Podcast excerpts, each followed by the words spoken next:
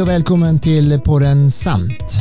Titeln är en förkortning av spel om pengar, alkohol, narkotika, doping och tobak. För det är just dessa ämnen som vi diskuterar här. Sant påverkar och ställer till en del problem i vårt samhälle. Jag heter Stefan Åberg och arbetar för Helsingborgs stad som förebyggande samordnare i dessa ämnen. Och vill du ha massor av förebyggande tips, gå då in på hemsidan verktygsladanhbg.se. I de flesta kommuner finns det verksamheter som har alkoholservering och ordningsvakter. Dessa yrken vill inte att det ska förekomma bråk och narkotika eller för berusade personer på deras arbetsställe. Går det att förebygga dessa problem? Vilken hjälp får dessa yrken av polisen? Och finns det interna klädkoder inom polisen? Ja, ni hör själva, ett superintressant avsnitt. Därför har jag med mig några som har bra insyn i dessa frågor. Poliserna Jens och Patrik. Så håll i er, för nu åker vi! Hej och välkommen till eh, Sandpodden Jens Löfmark och Patrik Dahlin Jönsson. Tack så mycket. Kul att vara Tack ska du ha Stefan. Tack. Skoj. Det är inte varje dag som jag har två poliser framför mig. Det känns ju tryggt och säkert. Är det vanligt att ni hör detta?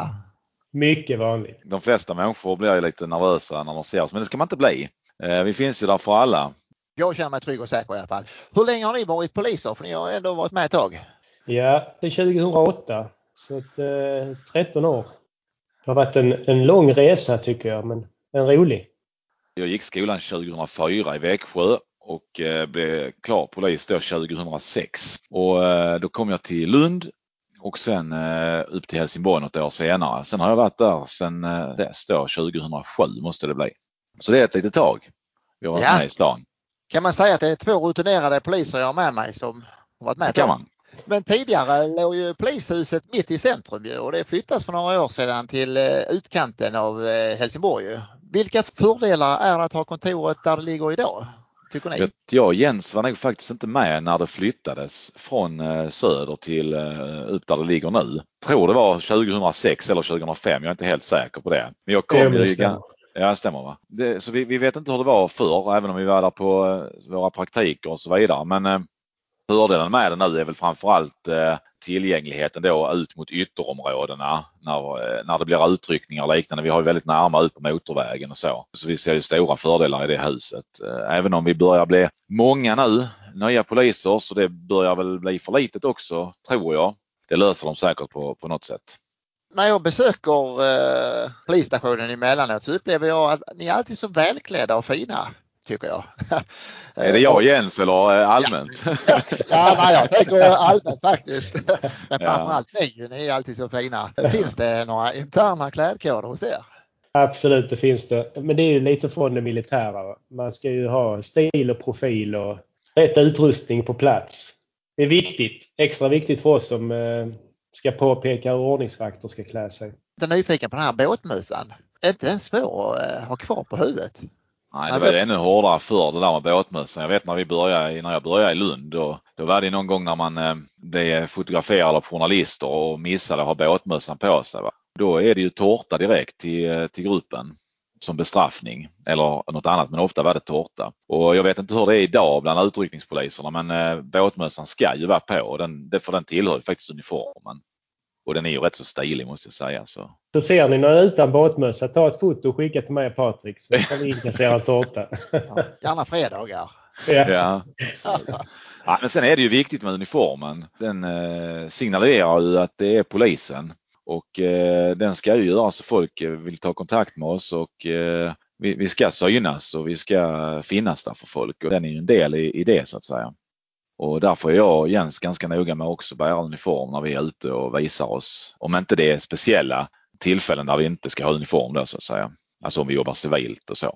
Jag har en liten här nyfikenhetsfråga. När polisen tar någon för något brott eh, så är det ganska vanligt att eh, alla är alltid oskyldiga. Jag kan tänka mig att ni får höra en del bortförklaringar. Eh, har ni någon sån här, vilken är den sämsta bortförklaringen? Har ni någon sån? Nej, jag har väl ingen sån jättebra, men det, det är ju som vi har sagt att det är ju det här, det var inte jag eller eh, det är, det är sällan någon som erkänner. Jag vet inte, jag kan inte ens komma ihåg någon som har erkänt. Ibland är det de här som vi kan kalla för gammeltjuvar eller gråtjuvar. De har lite tjuvaheder som man kan säga ibland och, och de eh, kan erkänna, alltså de som har varit eh, tjuvar länge så att säga. Då har man en ganska bra relation med.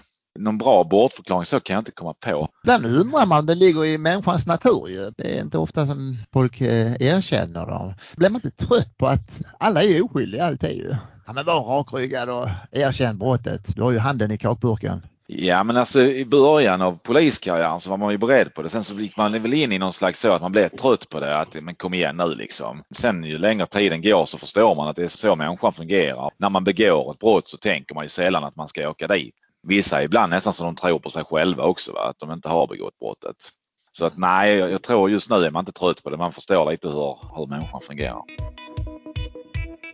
Och om jag har förstått det hela rätt så samarbetar ni ju ganska mycket tillsammans ju. Och du Jens specialiserar dig på eh, ordningsvakterna och du Patrik på krögarna. Nej, det är rätt. Jens och jag har ju varsin tjänst som, och Jens tjänst heter då ordningsvaktssamordnare och min är då alkoholsamordnare.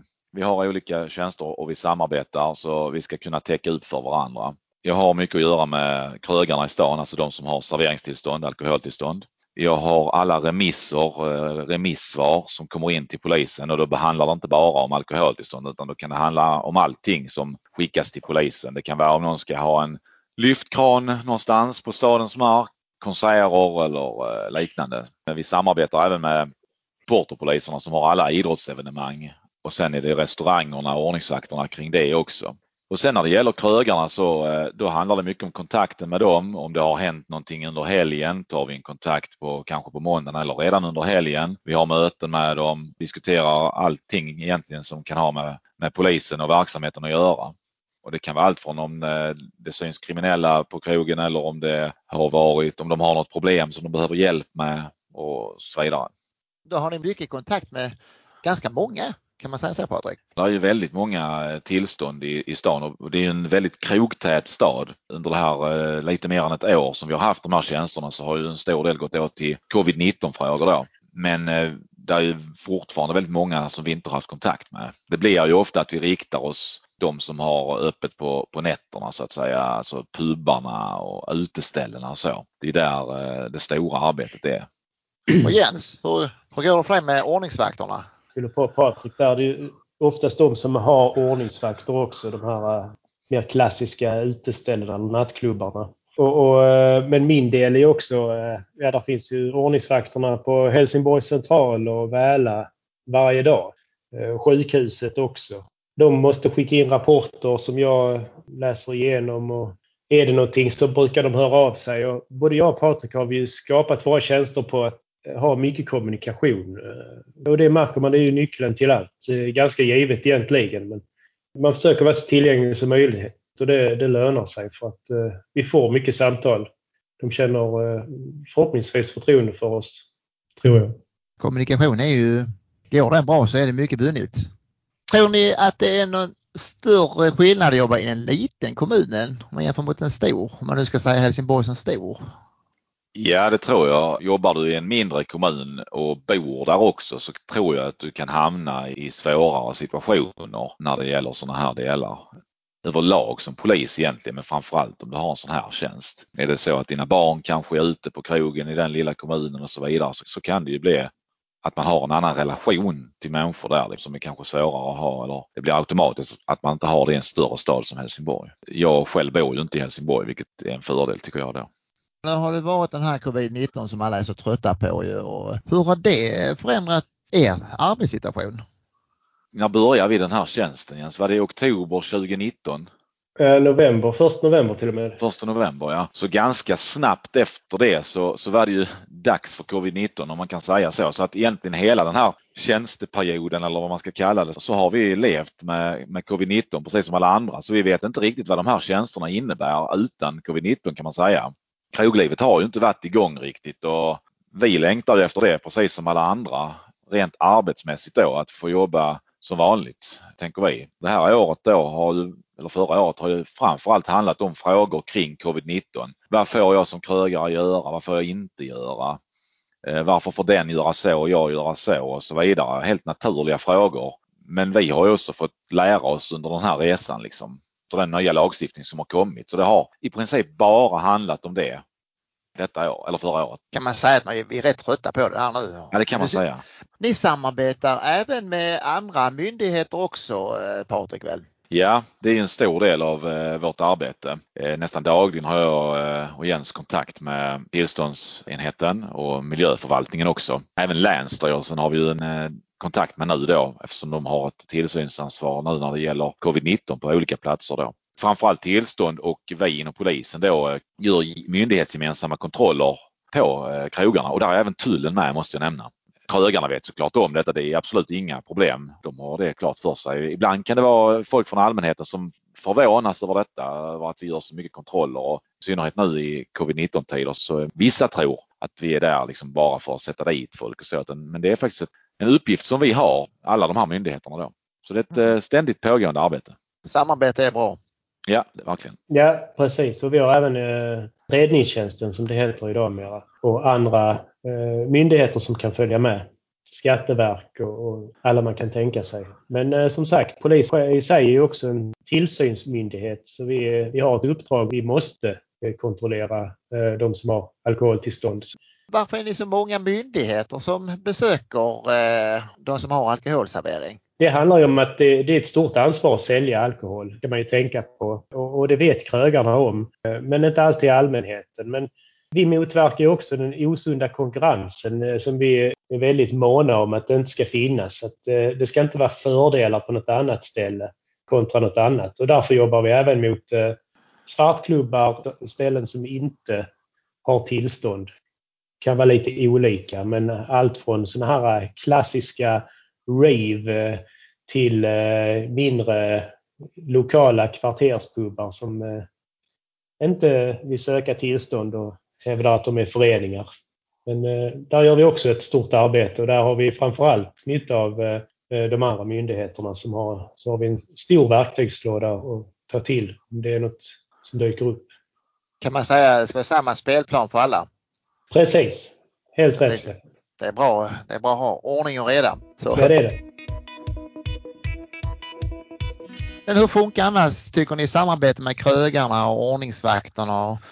Det funkar väldigt bra tycker jag i alla fall. Patrik instämmer säkert. Vi, vi har som sagt byggt upp det på mycket kontakt och försöker höra av oss så mycket som möjligt. Vi var väldigt tillgängliga och, och det får man igen. Vi får mycket samtal och blir kontaktade ofta. Nej, men vi, vi har ju delat ut våra nummer till så många restauranginnehavare eller krögar som möjligt och vill ju gärna att de kontaktar oss eh, dock inte i 112 ärende, alltså pågående brott, utan då får man ju ringa 112 som vanligt. Men eh, och det, det, har eh, de gjort. Vi har fortfarande en väg att, att gå där, att ännu fler ska kontakta oss. Det har blivit väldigt bra och arbetet, i, alltså krögarna sköter sig ju väldigt bra i Helsingborg anser jag. Framförallt under den här tiden som har varit nu med covid-19. Många har verkligen gjort vad de har kunnat. Vet ni hur många som har alkoholtillstånd i Helsingborg? Du var inne på det innan Patrik där att Helsingborg är krogtätt. Ja, jag, jag, vet inte. Förr hörde man alltid att det var den krogtätaste stan i Sverige, men jag vet inte om det bara är som man säger. Men det, jag vet att det, det, är över 200 eh, alkoholtillstånd i alla fall. Exakt kan jag inte, men eh, över 200 är det. Över 200. Vet du Jens hur många ordningsvakter här finns? Det är svårt att säga för att uh, där finns ju ordningsvakter som är så frilansande att man har gått en utbildning och sen så jobbar lite ibland på krogen. Vi har ett system där vi ser hur många där är i hela regionen. Man kan kolla upp det. Men det är ju så väldigt flytande så att det finns inget eh, rakt svar på den frågan. Vad är det som avgör att eh, vissa ska ha eh, ordningsvakter? De gånger man jag säga får faktiskt. Ytterst sällan man själv är ute. Men eh, vissa har ju ordningsvakter och vissa har vardar. Och, eh, vad, vad är det som skiljer mellan detta Jens? Ja, men eh, det kan man säga enkelt. Så här är det. Ordningsvakter de, de får gå en utbildning så får de eh, vissa polisiära befogenheter. Det vill säga att de får ingripa mot berusade personer och ordningsstörningar. Och en ordningsvakts uppgift är att biträda polisen i ordningshållningen en värd eller vakt, security, allt vad man kallar dem. Det är som vem som helst. De får inte göra någonting mer än en privatperson som är gäst på stället. Sen så företräder de då arrangören eller den som har serveringsstället. Och, och då kan ju de hindra folk från att gå in och säga nej, du får inte komma in här så länge inte de diskriminerar någon. eh, nämnde någon gång så här sa att det var skillnad på ordningsvakter och vardar på vem som ska kolla legitimationen. Ligger någonting i det? Att... Ja, men det stämmer. En ordningsvakt har som sagt i huvuduppgift ha ordningshållningen. Men så får de göra extra uppgifter. Men eh, när man står i en krokö förespråkar man ju från polisens håll att man har en värd eller någon annan som kollar eh, legitimationen. Så att eh, ordningsvakterna kan ha koll på kön och, och, och gästerna. Men att de kollar ibland eh, legitimation, det får de göra. Kan man säga sunt förnuft? Det kan man göra, men den ene sunt förnuft är inte lik den andra. Så jag är lite försiktig med det. det känns som att de, de, kan, de kan prata med, som vi var inne på. Kommunikation är bra. Ja, väldigt. Får jag förtydliga där bara med värdar och ordningsvakter? En värd kan ju säga till någon som Jens sa, att, eller be dem lämna stället precis som eh, krögaren som äger stället så att man vet om det. Men en ordningsvakt kan ju eh, behöva eh, använda våld eh, eller så för att ta ut någon därifrån. Det är en skillnad i det. Sen så kan en värd hjälpa en polis eller eh, vem som helst som ah, måste använda sig av våld. Men det kan alla människor göra. Hjälpa någon som har rätt att använda våld. Lite mer befogenheter. Ordningsvakter har ju vissa polisiära befogenheter. Det ska allmänheten också veta om för det är många som missar det. Hur sköter annars gästerna sig här i Helsingborg tycker ni? Överlag så är det ju eh, väldigt bra skulle jag vilja säga med tanke på eh, mängden invånare här finns. Inte jätteofta det händer större saker. Bråk händer men eh, nej, överlag så är det bra. Och så har det, har det inte varit så en längre tid, även när inte coviden var här, att Helsingborg sköter sig bra? Jo, alltså Helsingborg ska ju vara en trevlig stad att gå ut i och det är det också de allra flesta sköter sig. Det man kan se är ju att ju senare timmarna blir och desto mer alkoholserveringarna blir, desto mer ökar det för eh, risken för, eh, för våld i offentlig miljö. Men eh, överlag jätte, jättebra och trevlig stad att gå ut i. Mm. Precis som det ska vara. Trevliga poliser och trevliga gäster. Ja. Om det nu skulle vara så, eh, även bara en liten bråkdel som eh, missköter sig där det serveras alkohol och de blir för brusade. Och hur ska de agerar då personalen på krogen eller restaurangen? Alltså om det är ehm, någon som är för berusad så alltså, får man inte lov att servera den personen. Det är ju viktigt att personalen har koll på det och det är ett eh, ständigt pågående arbete som eh, krögarna måste jobba med och jobba med sin personal. Se till att de har rätt utbildning och att man har den samma inställning på stället, alltså alla som jobbar där och, och diskutera igenom det precis som polisen diskuterar igenom vad vi, får vad vi har för inställning när vi åker till ett ärende så att säga. Och är det liksom grövre grejer som pågår, alltså grövre brott som begås så ska man ju såklart akut ringa polisen. Och sen så har man ju lyxen i Helsingborg och har mig och Jens så är det inte akut så kan ni ringa oss. Va? Det är precis därför vi har kommit till och jag tror det är få städer i eller jag vet inte om det är få, men det är nog inte jättemånga städer i, i Sverige som har den lyxen att kunna eh, ha en sån ingång i polisen som man har i Helsingborg med mig och Jens då. Och kan inte vi svara på det så, så hänvisar vi ju till narkotikapolis eller trafikpolis eller vi har ju alla de ingångarna så att säga. Om det var ett svar på frågan. Ja, det var det faktiskt. Jag klurar på lite grann. Om det nu skulle vara så att en är förbrusad och beter sig, eh, det behöver inte vara förbrusad, men beter sig mindre lämpligt på ett ställe. Kan man porta en person? Absolut. Det är eh, upp till ägaren att avgöra vem han vill ha in i sin lokal. Men så länge man inte diskriminerar någon eh, för, eh, för något uppenbart så att säga.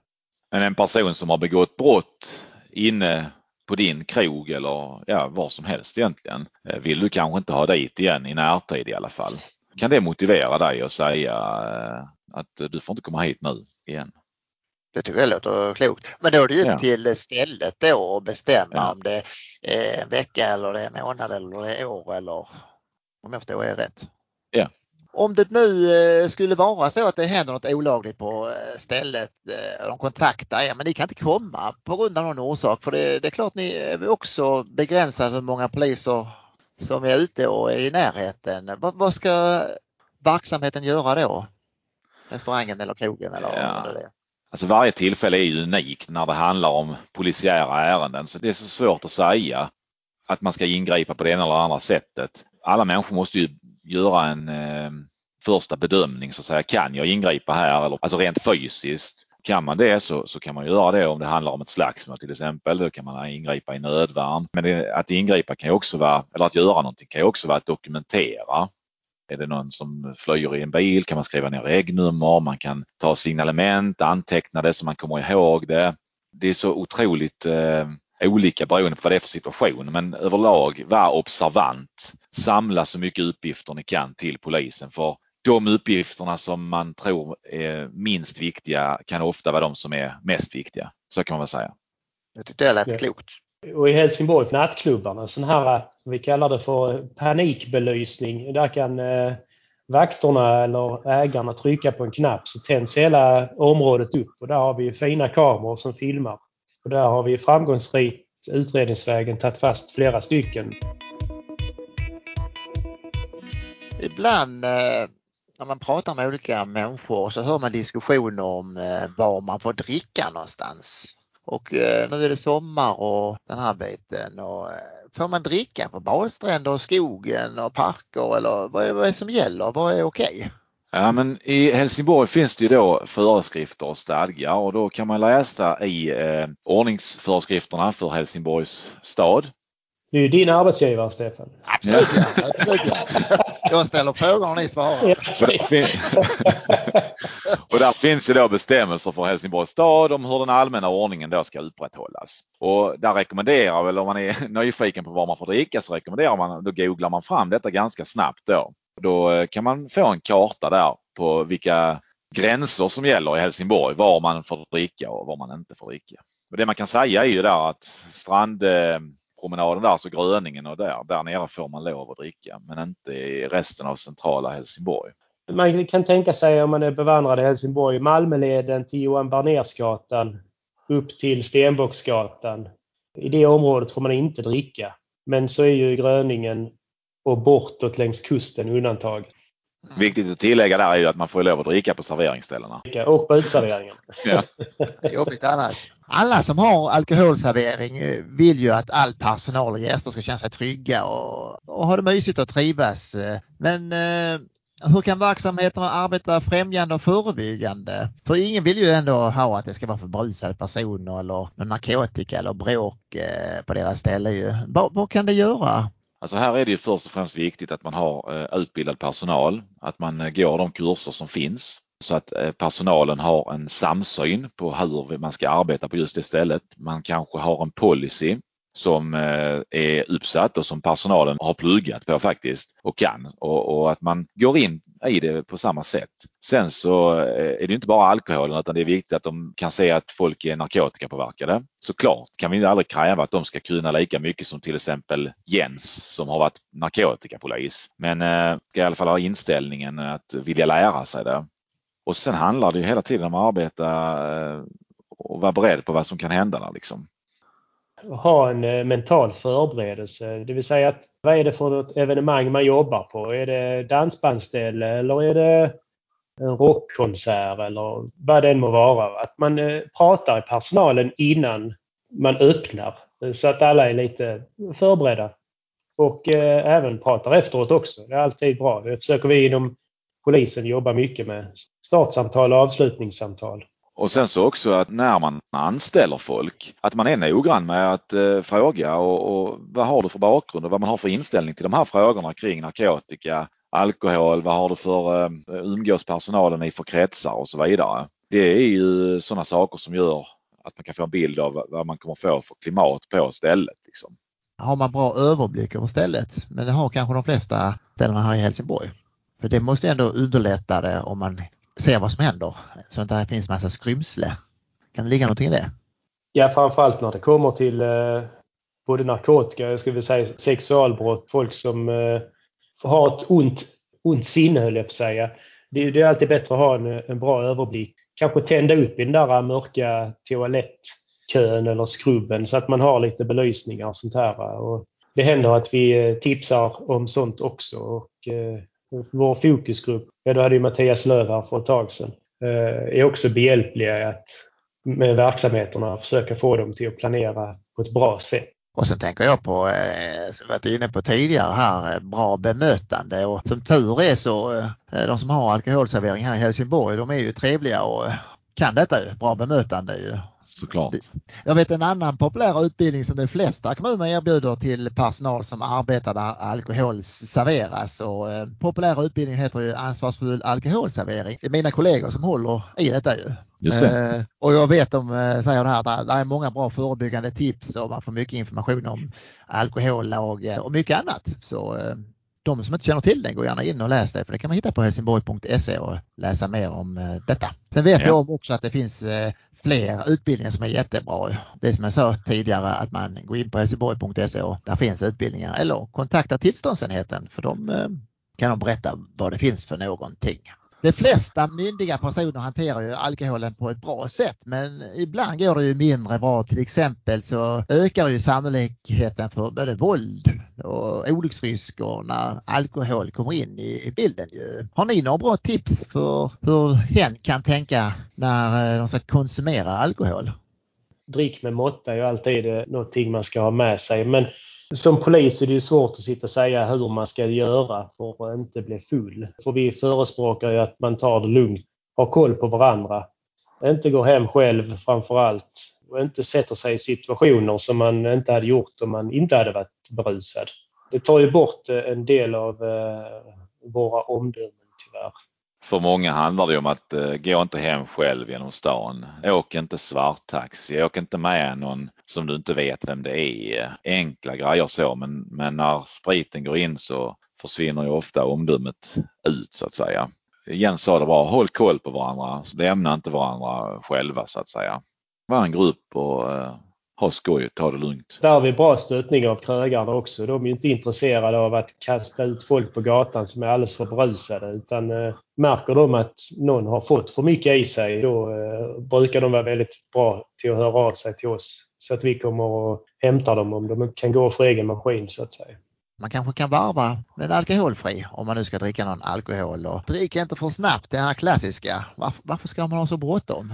Oftast de som har bråttom, de blir ju, det är de som blir mest berusade och då blir ju kvällen kanske lite kortare.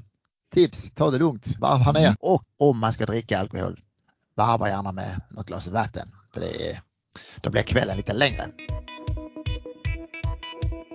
Tiden går fort. Hur ska vi summera detta samtalet eh, Jens och Patrik tycker ni? Hör av er, ta kontakt med polisen. Även eh, om ni, om ni är ute och eh, festar eller är ute och käkar och så, ni ser poliser, ta kontakt med dem. De flesta poliser tycker det är roligt att prata med er. Krögarna, hör gärna av er till eh, mig eller Jens. Likaså ordningsvakterna. Vi vill vara kontaktskapande och synas och höras, det gillar vi. Tack för att ni lyssnade och tack Jens och Patrik för att ni kunde vara med idag och eh, vi hörs av framöver så ha det så bra. Hej hej! Hej! Hej!